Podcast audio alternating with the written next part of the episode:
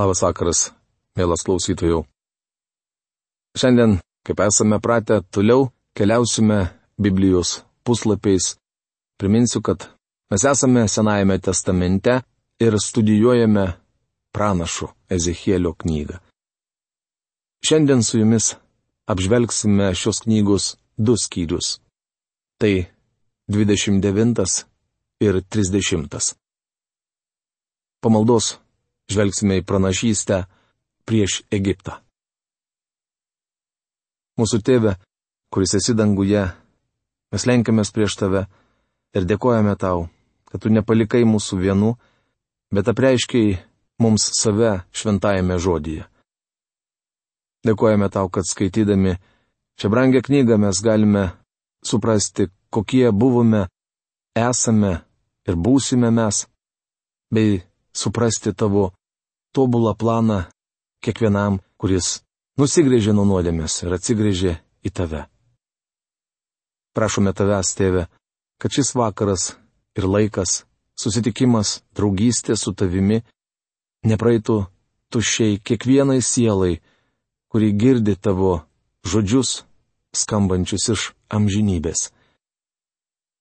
Mes dėkojame tau, kad tu juos palikai mums. Ir mes, tavo vaikai, Per juos galime būti gyvi amžiams. Ir niekas mūsų negali atskirti nuo tavęs. Dėkojame tau už tautą, kurią tu pasirinkai, kaip ta, kuri turėjo nešti gerosios naujienos žinia visoms aplinkinėms žemės tautoms. Dėkojame tau už pranašą Ezechielį, kurį šiandien studijuojame, kurio žodžius galime skaityti žinodami, kad tai žodžiai kuriuos tu liepiai jam pasakyti Izraeliui. Prašome tėvę, kad tu padėtum mums išgirsti tave ir suprasti, ką tie žodžiai reiškia tiem žmonėms, tuo metu gyvenusiems, ir kaip jie išsipildė biblinių žmonių istorijoje. Ir prašom taip pat, kad tu kiekvienam, kuris nuoširdžiai nori pažinti tave ir suprasti tave, išaiškinęs žodžių prasme padėtum priimti tuos žodžius ir jais gyventi. Tad visa garbė dėl to, ką galime šiandieną suvokti, tekyla tik tai tau vienam. Ir melžiamės viešpatės Jėzaus vardu. Amen. Pranašystė prieš Egiptą. Daugelis konservatyvių Biblijos komentatorių mano, kad pranašystės apie Egiptą įdomesnis už pranašystę apie Tyrą. Turiu prisipažinti, kad aš su jais nesutinku. Mano nuomonė, pranašystė apie Tyrą tiesiog stulbinanti. Žinoma, žinia apie Egiptą taip pat be galo įdomi. Šiame skyriuje užrašyta įstabi pranašystė. Per daugelį amžių Egiptas buvo išlikęs nesunaikintas. Tai buvo viena iš seniausių tautų. Egiptiečiams nereikėjo statytis gynybinių sienų, nes dykuma puikiai padėjo jiems apsisaugoti nuo priešų. Vienintelis kelias į Egiptą buvo Nilo upės slėnis. Egiptiečiams tai reikėjo gerai jį įtvirtinti. Įdomu, kad Egipto miestai nebuvo apjuosti sienomis nes to visai nereikėjo. Dabar Dievas praneša, kad egiptiečiai pateks į nelaisvę ir vergaus 40 metų. Dešimtų metų dešimto mėnesio dvyliktą dieną mane pasiekė viešpaties žodis. Žmogau, atsisuk veidų į Egipto karalių faraoną, pranašauk jam ir visam Egiptui. Ezechielio knygos 29 skyriaus 1-2 eilutės. Dievas aiškiai nurodo, ką ketina daryti su Egiptu. Egiptiečiai buvo pavergę jo tautą ir privertę triūsti plytinėse. Maža to, egiptiečiai išmokė izraelitus garbinti stabus. Ilgus metus Egiptas Izraeliui buvo kaip rakštis. Nepaisant to, Izraelis nuolat kreipdavosi į Egiptą pagalbos. Kažkodėl jie pasikliovė savo priešais. Dabar Dievas sako, jog yra prieš Egiptą ir ketina jį sunaikinti. Kalbėk ir sakyk, taip kalba viešpats Dievas. Tikėk manimi aš prieš tave, Egipto karalių faraone, didysis libinė. Tu tūnai Nilo atšakose sakydamas, Nilas priklauso man, pasidariau jį savo. Ezekėlio knygos 29 skyriaus trečia eilutė. Egipto faraoną Dievas prilygina didžiajam slibinui, jūrų pabaisai, kuris sako, tai mano upė. Įdomu pastebėti, kad egiptiečiai garbino visokiausius paukščius, žvėris ir vabžius. Dievo bausmės Egiptui aprašytos išeimo knygos dalyje nuo 7 iki 11 skyriaus buvo nukreiptos prieš to krašto dievus. Mano manimu, šios bausmės, nors jos ir siaubingos, rodo, jog Dievas turi humoro jausmą. Įsivaizduokite vieną rytą egiptiečiai, garbinę varlę galbę Deibę Heką, atsibunda ir mato, kad jų pataluose knipžda varlės. Ką jiems daryti? Traiškyti savo deives? Manau, kad matydama šią situaciją, viešpats juokėsi. Šiuose eilutėse Dievas kalba apie faraoną Hofrą, kurį graikai dar vadino apriu. Jis buvo faraono nekojo vaikaitis. Kaip prisimenate, faraonas nekojas Megido lygumoje nugalėjo judo kariuomenę. Tame mūšyje žuvo judo karalius Jošijas. Ir Jehojakimas, ir Jehojachinas, ir Zedekijas Jeruzalės apsiausties metu prašė faraono Hofro pagalbos. Egipto kariuomenė džigiavusi per Finikiją privertė chaldėjus nutraukti Jeruzalės apgultį. Jeremijas išpranašavo faraono Hofro likimą. Galybių viešpats Izraelio dievas sako, ak aš nubausiu nuo jo Amoną, Egiptą, jo dievus ir karalius, faraoną ir visus, kurie juo pasitikė. Aš atiduosiu juos į rankas tiems, kurie ieškojo jų gyvybės į rankas Babilono karaliui Nebukadnecarui ir jo pareigūnams. Po to Egiptas bus vėl gyvenamas kaip senovėje. Tai viešpaties žodis. Tai Jeremijo knyga, 46 skyrius 25-26 eilutės.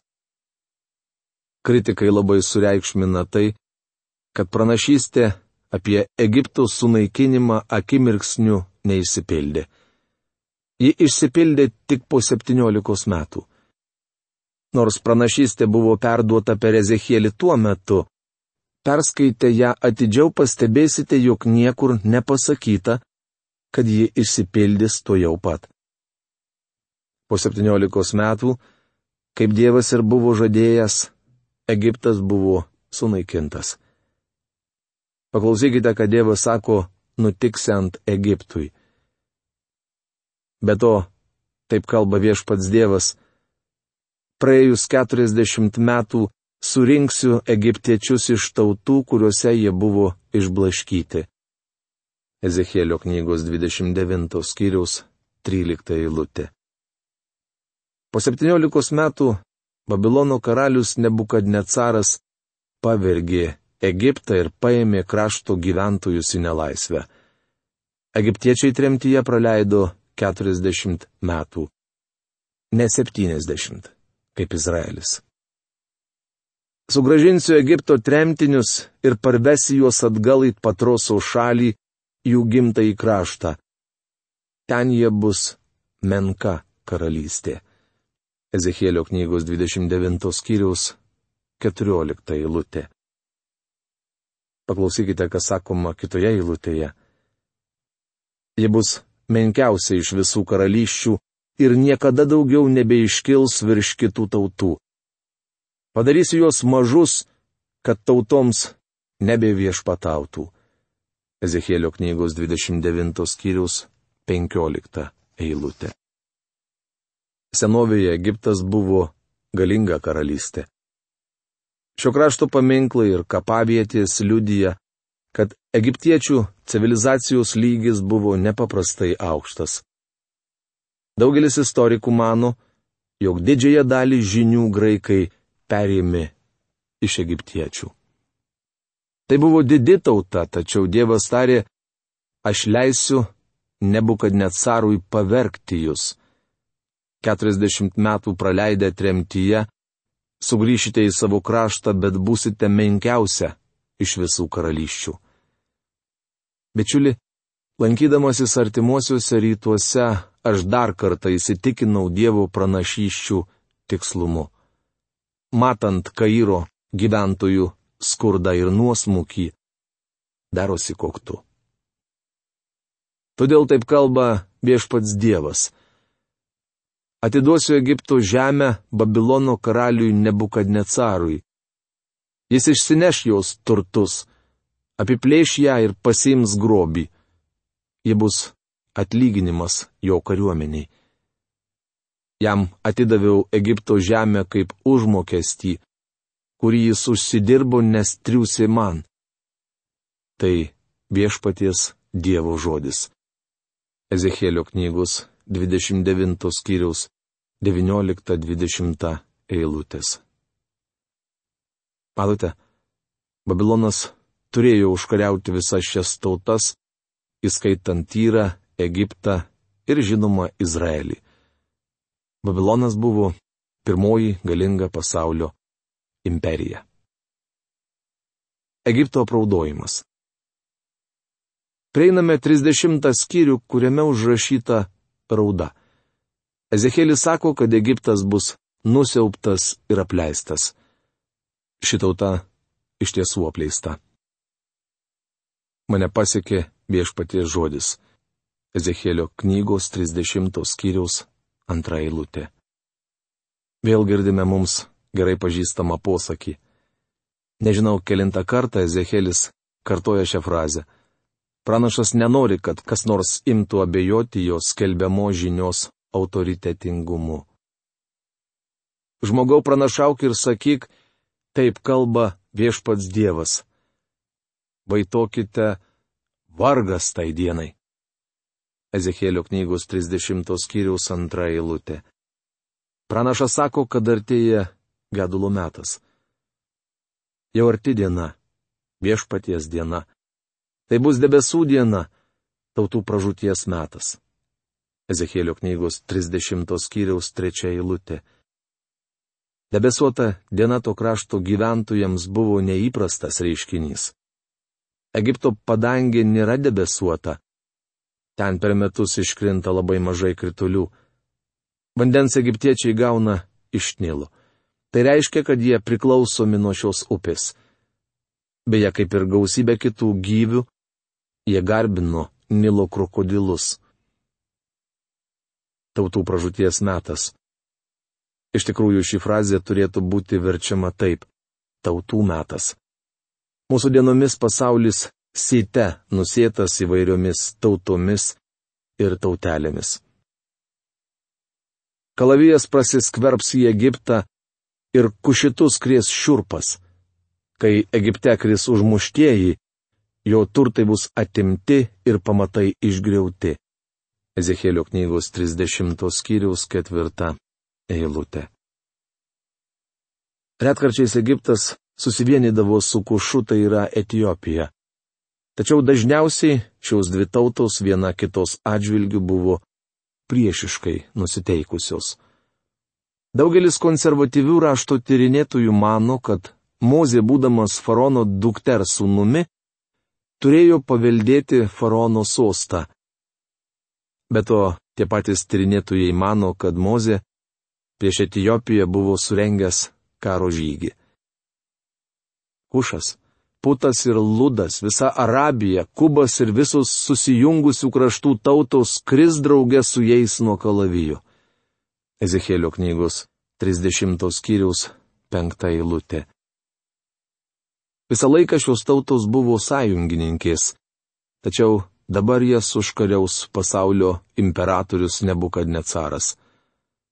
Tai jis buvo toji aukso galva paminėta Danieliaus pranašystėje apie keturias galingas pasaulio karalystės. Norėdami apie šią pranašystę sužinoti plačiau, skaitykite Danieliaus knygos antrą skyrių. Taip kalba viešpats. Remiantieji Egiptą žus, sukiuš jo išpuikusi galybė. Nuo migdolo lygi sienės jie žus nuo kalavijo. Tai viešpaties Dievo žodis. Ezekėlio knygos 30 skyriaus 6 eilutė. Pagalbos iš Egipto tikėjusi ne tik Izraelis, bet ir kitos tautos. Visas jas ištiks ta pati bausmė. Išžiovinsiu Nilo šakas, nedoriliams į rankas atiduosiu kraštą. Svetimšalių rankomis nuniokosiu jį ir visa, kas jame. Aš, viešpats pasakiau. Ezekėlio knygos 30 skyriaus 12 eilutė. Kaip jau minėjau, šios upės iš tikrųjų yra Nilo deltos atšakus. Jų buvo daug. Bet tuo per derlingąją sritį ėjo kanalai. Netoli tos vietos buvo Gošeno kraštas, kuriame atvykę į Egiptą įsikūrė Izraelitai. Išžiovinsiu Nilo šakas, nedoriliams į rankas atiduosiu kraštą. Vėliau Egiptą užėmė Aleksandras Didysis, o šiam mirus žymaus karvedžio užkariautas tautas pasidalijo jo generolai. Vienu metu Egiptą valdė graikų karalienė Kleopatra. Svetim šalių rankomis nuniokosiu jį ir visa kas jame. Egiptą ėmė valdyti svetimos tautos leidusios kanalams užakti. Nors man pačiam Nilo deltos regione lankytis neteko, kairė sutikau ką tik iš ten atvykusi bičiulį. Jis sakė, jog tas rytis virtusi pelkę. Dievas bylojo, kad nuniokos Egipto kraštą. Šiandien jis iš tiesų apleistas. O štai kita įstabi pranašystė. Taip kalba viešpats Dievas. Sunaikinsiu stabus, padarysiu galą Nofo dievams. Nebebus Egipto žemėje vado. Egipto žemę prislėgsiu baime. Ezekėlio knygos 30 skyrius 13 eilutė. Sunaikinsiu stabus, padarysiu galą Nofo dievams. Nofas yra Memphis. Ezekėlio dienomis tai buvo garsus ir turtingas Egipto miestas. Jo gatvės iš abiejų pusių buvo nustatytos stabais. Tai buvo savotiška miesto puošmena. Niekur kitur nebuvo tiek stabų, kiek Memfyje. Dievas sako, jog sunaikins šio miesto stabus.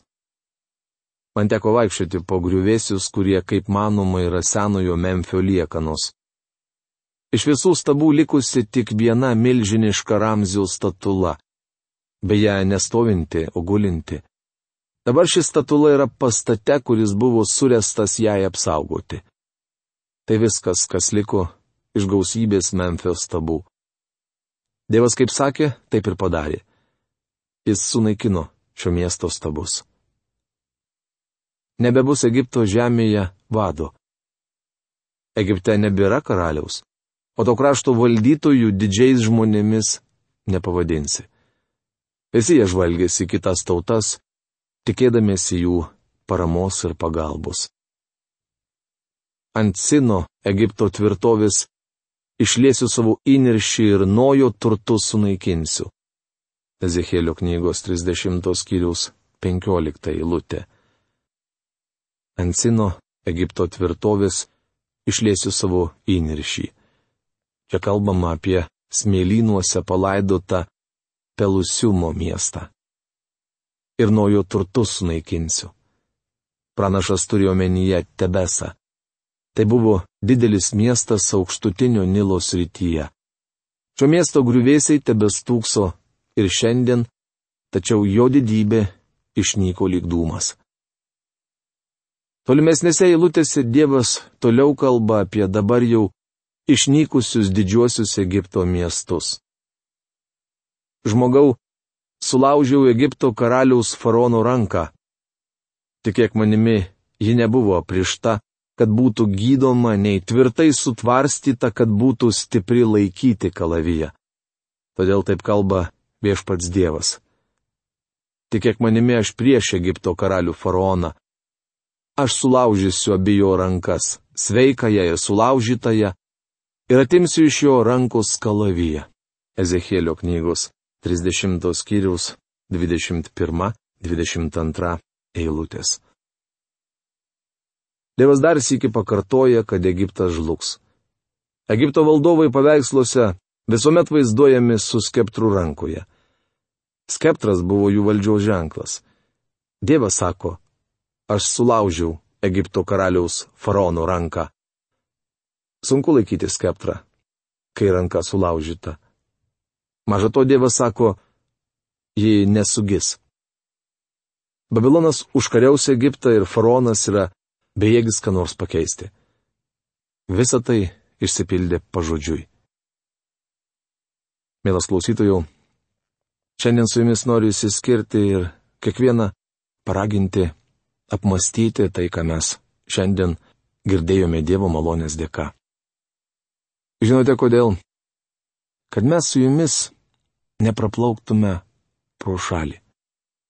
Kad mes nelaikytume Dievo žodžio tuščiu žodžiu, kuris nieko nereiškia ir nieko man nepasako. Būtinai Dievo žodžiui užduokite klausimus. Ir turbūt pagrindinis klausimas - o kaipgi šiandien su manimi, kaipgi šiandien su mumis? Kaip visos šitos, atrodo, senovinės pranašystės gali būti pritaikytos mums. Turit klausimą. Gausite atsakymą. Neturite ir neužduodate klausimo. Tikrai atsakymo neturėsite. Neturėsite atsakymo, nesuprasite, kaip reikia pasikeisti. Nepasikeisite, prarasite galimybę įgyti amžinąją bendrystę su Dievu. Apsvarstykime to žodžius. Iki greito pasimatymo. Sudė.